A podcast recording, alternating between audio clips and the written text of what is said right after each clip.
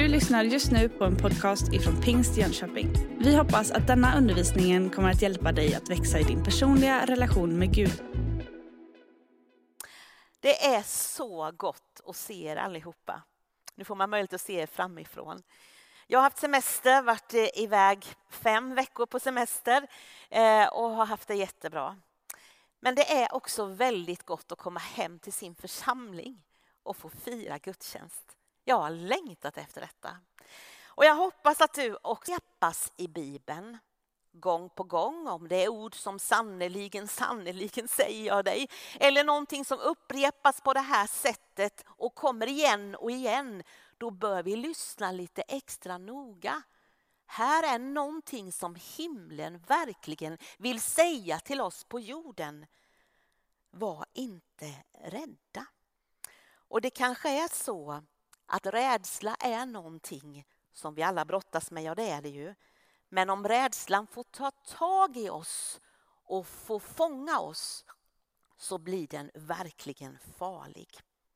Jag vill ge några exempel på bibelord innan vi går in i de texterna som jag har som huvudtexter.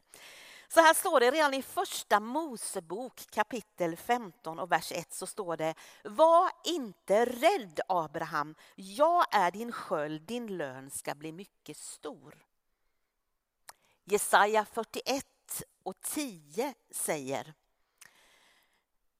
Var inte rädd, jag är med dig, ängslas inte, jag är din Gud. Jag ger dig styrka och hjälper dig, stöder och räddar dig med min hand. Lukas 1 och 30. Där kommer ängeln till Maria. Hon får ett jättestort uppdrag. Och det är nästan ofattbart stort. Var inte rädd Maria, du har funnit nåd hos Gud. Änglarna som, ble, eller änglarna som kom till herdarna när de var ute och vaktade sina får. De skapade rädsla hos herdarna, men då hör de från himlen en röst som säger Var inte rädda, jag bär bud till er om en stor glädje. I sitt avskedstal till sina lärjungar säger Jesus Johannes 14. Känn ingen oro, tro på Gud. Alltså jag skulle kunna fortsätta med att citera bibelord som talar om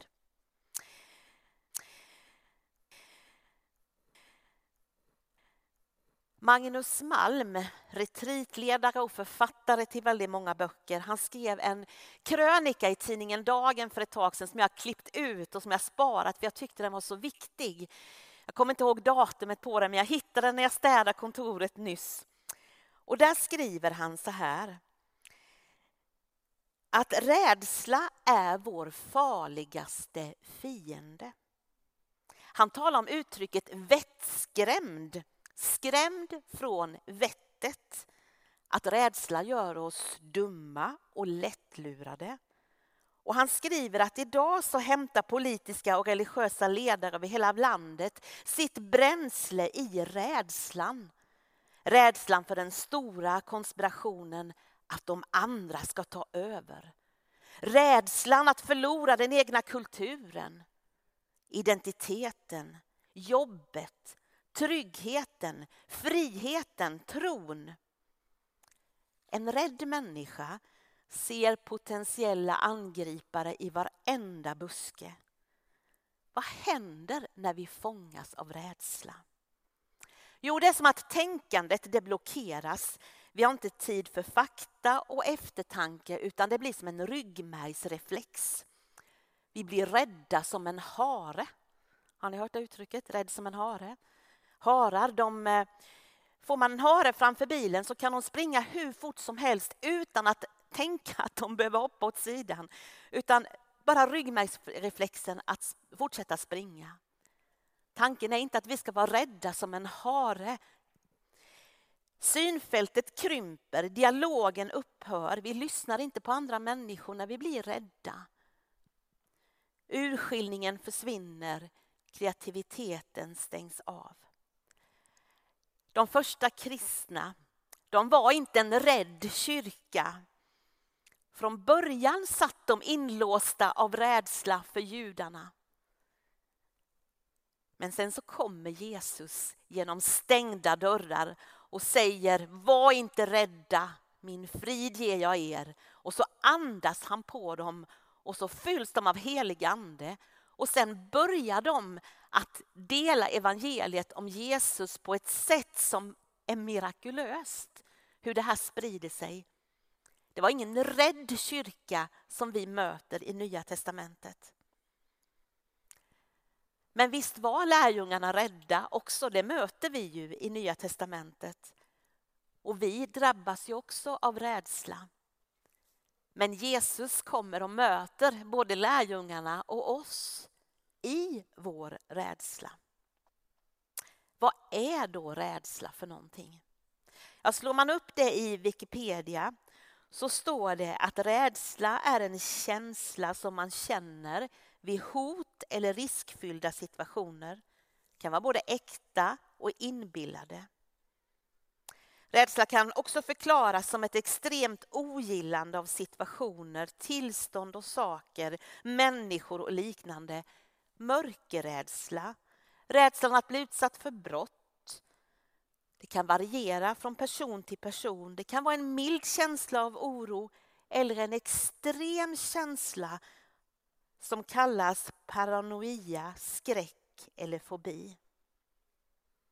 Rädsla är ju en reaktion på det okända, på en uppfattad risk för skada. Och rädslan finns ju där för att skydda oss. Men rädsla kan vara någonting som istället tar greppet om våra liv och då blir den oproportionerlig och den förvandlas till skräck eller fobi. Man kan smittas av rädsla. Precis som kärlek och tro och hopp kan smitta så kan rädsla smitta hittas. Rädsla är det som att det sprider sig över vårt land just nu. Det handlar mycket om klimatångest, det handlar om terrordåd. Det handlar om rädsla för krig och för vad som ska hända med ekonomin. Det kan handla om rädsla för utvecklingen med vad AI ska leda till kommer mänskligheten att utplånas. Det kan handla om rädsla för vad som ska hända i våra egna liv. Ålderdomen, hur ska det bli? Hur ska det gå för mina barn och barnbarn? Hur ska det gå för mig när jag ska börja skolan igen om ett par veckor? Hur ska det gå med arbete? Oh, allt det där. En viss rädsla kan skydda oss. Men eh, när rädslan får grepp om våra liv, då är det nog som att Magnus Malm har rätt att vi blir vettskrämda, att det får oss att fatta dåliga beslut och inte göra det vi är kallade till och det som Jesus har tänkt. Och kanske lever du med rädsla och oro just nu. Då vet jag att Jesus Kristus är här för att möta oss precis i det vi är oroliga för och rädda för med det här budskapet. Var inte rädda. Som jag sa i början så kan vi inte styra över allting som händer. Vissa saker kan vi värja oss ifrån och vi kan se komma. Men vissa saker händer och vi behöver förhålla oss till det. Och nu ska jag ta er med till tre bibeltexter som handlar om tre olika stormar som Bibeln berättar om. Och vi ska se på människors reaktioner och på vad Jesus säger i de här texterna. Och först går vi till Markus 4 och 35. På kvällen samma dag sa Jesus till dem, låt oss fara över till andra sidan. De lämnade folket och tog honom med sig i båten som han satt i och andra båtar följde efter. Då kom en häftig stormby och vågorna slog in i båten så att den var nära att fyllas. Själv låg han och sov i akten med huvudet på dynan. De väckte honom och sa, Mästare, bryr du dig inte om att vi går under? Han vaknade och hutade åt vinden och sa, Tig, håll tyst. Vinden la sig och det blev alldeles lugnt. Och han sa, varför är ni rädda? Har ni ännu ingen tro? Då greps de av stor fruktan och sa till varandra, vem är han? Till och med vinden och sjön lyder honom. Det var på Jesu befallning som lärjungarna hade satt sig i båten och börjat ta sig till andra sidan sjön. Jesus hade ju sagt till dem att de skulle till andra sidan sjön och hade de tänkt på det löftet att de skulle dit så kanske inte de hade blivit så rädda. Men här är de med om det som händer på Genesarets sjö, men det som också kan hända i våra liv. Att plötsligt, helt utan förvarning, så blåser det upp till en väldig storm. Och här står det ju att de, eh, de blev så fyllda av skräck Vattnet kom in i båten. Vattnet som nyss hade varit deras vän, som hade legat spegelblankt, blev nu deras fiende. Och då spelade det ingen roll hur vana fiskare de var, hur bra båten var. För nu så höll de ju på att gå under. Men där i båten så fanns ju Jesus. Och de gör någonting som är väldigt bra att göra. När vi drabbas av rädsla, att faktiskt tala med Jesus om det. Han ligger och sover, något som visar hans mänsklighet. Det hade varit en tuff dag, men där ligger han och sover. De väcker honom. Och Jesus, han stillar stormen. Det finns en auktoritet i hans ord. Men han säger också, varför är ni rädda? Hur har ni ännu ingen tro? Lite märkligt kan man tycka när de höll på att gå under. Varför är ni rädda? En annan text om en storm hittar vi i Apostlagärningarna 27. Och det är ett kapitel som berättar om när Paulus är fånge och på väg till Rom för att ställas inför kejsaren. Och det blåser upp till en väldig storm. Och då står det så här, Apostlagärningarna 27 och 18. Då vi var svårt ansatta av stormen gjorde de sig nästa dag av med lasten och på tredje dagen vräkte de med egna händer allt löst över bord. Varken solen eller stjärnorna visade sig på flera dygn och stormen låg hårt på. Till slut förlorade vi allt hopp om räddning. Ingen hade på länge fått någon mat. Paulus steg då fram bland dem och sa ni skulle ha lytt mitt råd och inte gett er ut från Kreta så hade ni besparat er dessa strapatser och förluster. Men nu uppmanar jag er att vara vid gott mod. Inget liv ska gå förlorade, bara skeppet. I natt kom nämligen en ängel till mig från Gud som jag tillhör och som jag tjänar och han sa Var inte rädd Paulus, du ska stå inför kejsaren och alla som är med dig ombord har Gud skänkt dig. Var därför vid gott mod. Jag litar på Gud. Det blir som han har sagt mig. Det här skeppet, det kraschade. De fick inte tillbaka den här lasten som de hade slängt över bord. Men alla människor räddades. Stormen stillades inte vid det här tillfället. Och vi har inte fått löfte om att alla stormar ska stillas. Men vi har fått ett löfte och det är att Jesus Kristus själv ska vara med oss i och genom allt. Och det fick Paulus och de som var här erfara. Ett annat tillfälle är från Matteus 14. Då hade också Jesus sagt till sina lärjungar att de skulle fara över till andra sidan sjön och själv var han kvar på stranden eller på, på, eh, på berget för att be. Och det blåser upp igen. Det är som att stormar de kommer och går i Bibeln, precis som det gör i våra liv också. De fick kämpa hårt med vågorna. Det var motvind.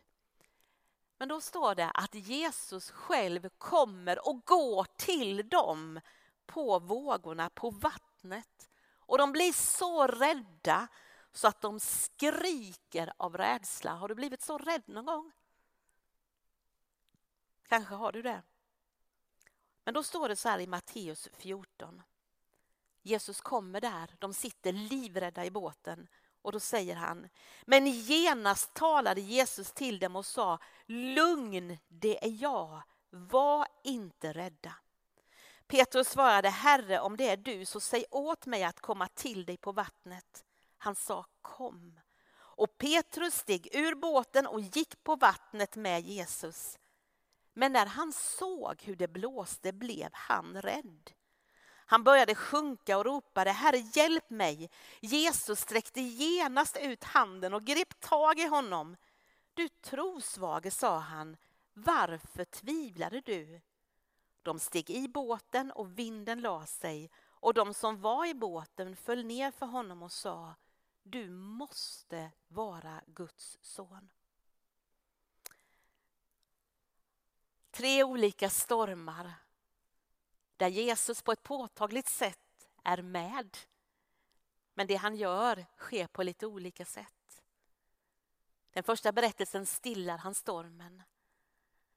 Den andra berättelsen bevarade han deras liv, men stormen och allt det andra det förgicks. Och här kommer han till dem på vattnet. Vad kan vi lära av de här texterna om stormarna? Ja, det finns mycket att lära. Jag vill plocka fram tre saker. Att vi upplever svårigheter behöver inte betyda att vi är på fel väg. Det kan storma och det kan bli motvind i livet även om vi handlar på Jesu befallning. Även om vi åker och han har sagt att vi ska göra detta. Även om till och med Jesus är med i båten så kan det bli stormigt.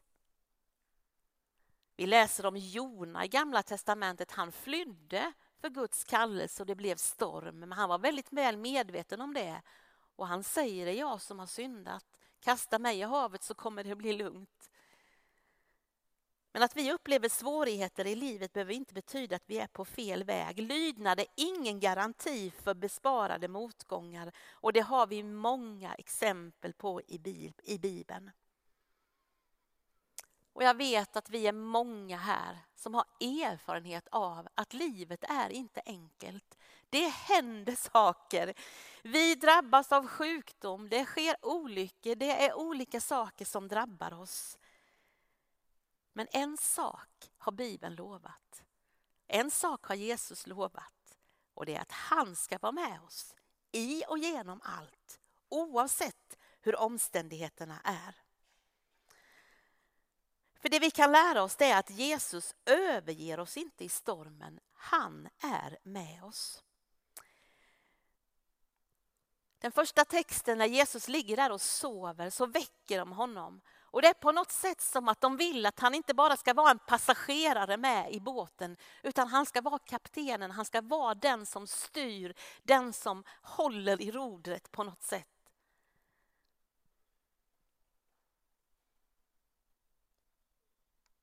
Jesus överger oss inte i stormen, han är med oss. Ja, han till och med kommer till oss. Tänk att Petrus där, han fick gå på vattnet. Och när jag tittar ut över er så, en del av er känner jag och jag vet att ni har går igenom, har fått gå igenom många svåra saker och det är som att jag kan se hur ni går på vattnet mitt i det svåra med blicken fäst på Jesus. Det sista året så har jag fått en sån uppmuntran och, och eh, ja, eh, blivit så utmanad av min egen pappa som är en stor förebild på många sätt i mitt liv. Han har fått gå igenom mycket svåra saker men på något sätt så har han vägrat att ge upp. Han är 91 år. 2019 dog mamma och han bodde kvar hemma i sitt 1800-talshus och klarade sig själv. Pappa har alltid varit självständig och hans största liksom oro i livet har varit att han skulle bli ett vårdpaket och att han skulle hamna på ett boende. Ni vet, vi har olika rädslor i livet. Men förra året så händer, blir han svårt sjuk, vi tror att vi ska förlora honom. Och så får han amputera ett ben. Så blir han bättre, får en protes, kommer hem, kämpar på, lär sig att gå med den där protesen. Han kan inte köra bil, men han hittar liksom jag kan ju köpa en fyrhjuling så att jag ändå kommer ut i skogen. Den kan man ju styra liksom på ett annat sätt. Och vi var så glada och vi tänker Yes, kom igen pappa. Men så hände det som inte fick hända. Han blir sjuk igen. Ett sår på foten och en infektion sprider sig så snabbt Så han blir tvungen att ta det andra benet också. Och nu var det inte under knät utan det var långt upp. Förlorat två ben, 91 år med underliggande andra sjukdomar.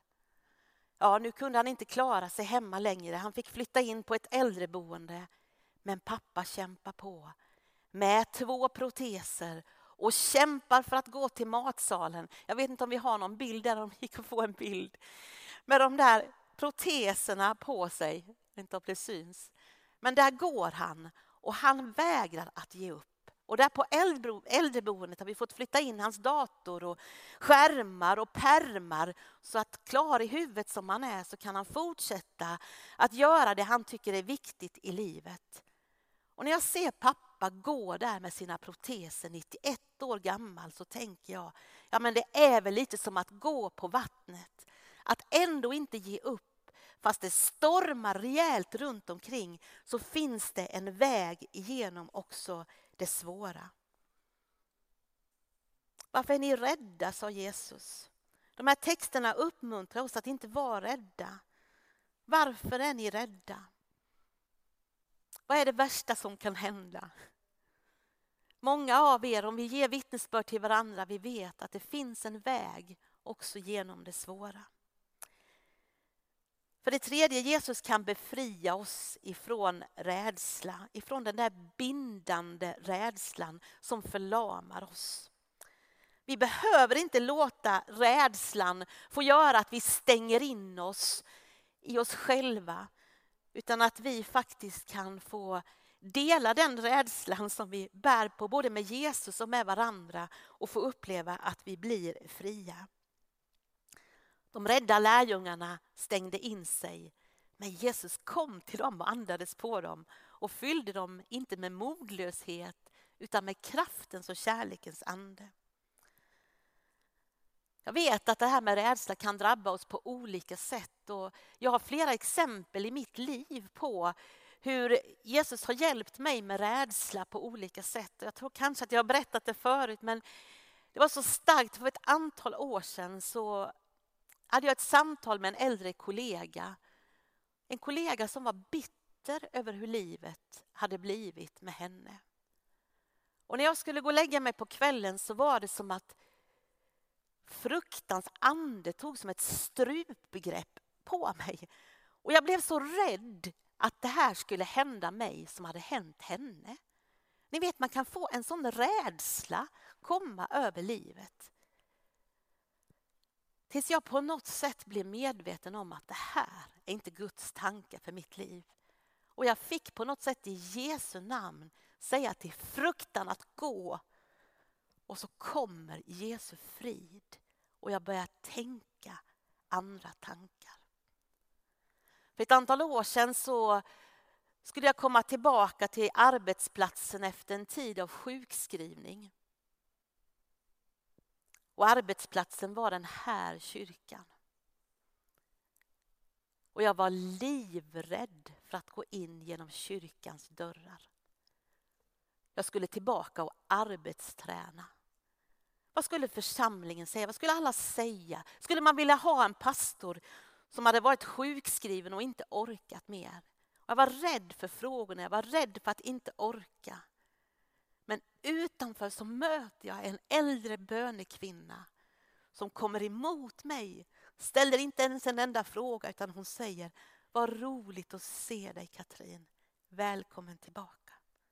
Och då var det som att rädslan försvann. Kärleken fick omfamna mig. Jag gick in i kyrkan och sen så fick jag börja min väg tillbaka och rädslan fick ge vika. Ni vet, kärleken är så stark så den fördriver rädslan. Jag vet inte vad du kämpar med för någonting, men jag vet att det finns befrielse från rädslan. Vi behöver inte låta oss vara fångna vid rädsla som finns i samhället, som finns i så många människors liv. Utan vi kan få leva våra liv i en trygghet. Och det sista nästan som Jesus sa till sina lärjungar, för han visste ju att det här skulle vara en utmaning. det är ifrån Matteus 28 och 20. Jag är med er alla dagar till tidens slut. Jag är med er alla dagar. Hans närvaro gör att vi är trygga. Man kan vara med om ganska många stormar så länge man vet att Jesus är med. Psalm 23 och 4 säger inte ens i den mörkaste dal fruktar jag något ont, ty du är med mig. Din käpp och stav gör mig trygg. Många här har erfarenhet av det. När jag gick i söndagsskolan för massa år sedan så sjöng vi en sång. Kanske en del av er känner igen den som är i min ålder och äldre. Vi sjöng så här. Min båt är så liten och havet så stort. Och man riktigt kände liksom de här barnahänderna. Alltså båten var så liten och havet så stort och så gjorde man så stort så att det nästan knäckte rebenen. Men Jesus har fattat min hand och när han styr båten då går det så bra på resan till himlens land. Känner ni igen den? Nog möter mig motvind och dimma och storm, sjöng vi. Men Jesus har fattat min hand. När han styr båten då går det så bra på resan till himlens land. Och sista versen. Jag vet ej om resan blir lång eller kort. Men Jesus har fattat min hand. När han styr båten då går det så bra på resan till himlens land. Ja, den där sången vill jag skicka med dig som kanske behöver den just nu. Båten är liten, havet är stort, men den hand som vi får fatta. Du vet, han har till och med övervunnit döden, han har varit där. Och han har gått före oss i den eviga världen och där har han berett plats åt oss. Vi behöver inte ens vara rädda för döden. Vi får fatta hans hand och gå med honom. Att ha Jesus med sig i båten, det är, vill jag påstå, livsviktigt. Det kan storma mycket, men så länge han är med, då vet du att det kommer att gå väl på något sätt. Så frågan är vilken plats har Jesus i ditt liv, i ditt livs båt? Finns han med överhuvudtaget? Är han en passagerare som alla andra eller är han kapten på båten? Har du fattat hans hand låter du honom styra. Vi kan inte undvika eller kontrollera stormar, men vi kan välja vem vi har med oss i stormen. Rädsla finns inte i kärleken utan den fullkomliga rädslan driver ut kärleken. Du behöver inte vara rädd för Gud. Han står med en öppen famn för att välkomna dig, för att fatta din hand och leda dig genom livet oavsett vad det kommer att innebära. Det finns många människor som har visat stort mod trotsat rädslan och svårigheter och som har betytt extremt mycket. Och jag tror att det viktigaste vi kan göra i vår tid det är att hjälpa varandra att inte hamna i rädsla och fruktan utan vara med och bygga Guds församling, att sprida tro och hopp och kärlek. Marion Pettersson, en av våra missionärer som nu är hemma hos Herren. Hon är en av mina stora förebilder. En liten kvinna, ensamstående, kallad av Gud och har gjort fantastiska saker i Burundi och på andra länder där hon har varit. Hennes memoarer finns. Jag skulle vilja rekommendera att du köper den och läser den och inspireras av hennes mod. De finns här ute, böckerna. Hon har varit med och gett en hel förtryckt folkgrupp och lyft dem ut ur fattigdom till att bli självförsörjande och bli respekterade som människor. Twa-folket i Burundi. En fantastisk berättelse.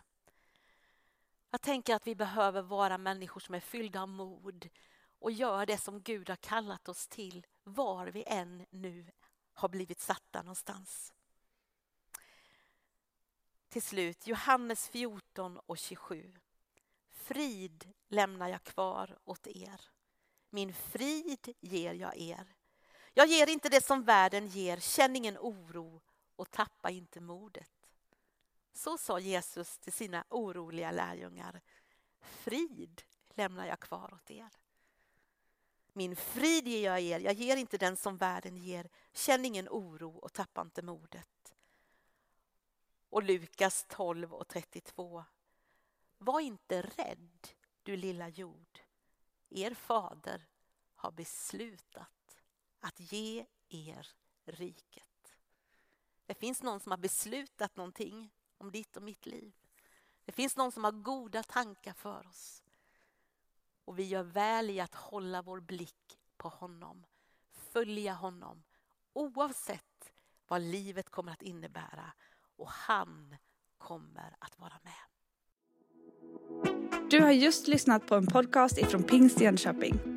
För att få reda på mer om vilka vi är och vad som händer i vår kyrka så kan du gå in på pingstjonkoping.se eller följa oss på sociala medier via pingstjkpg.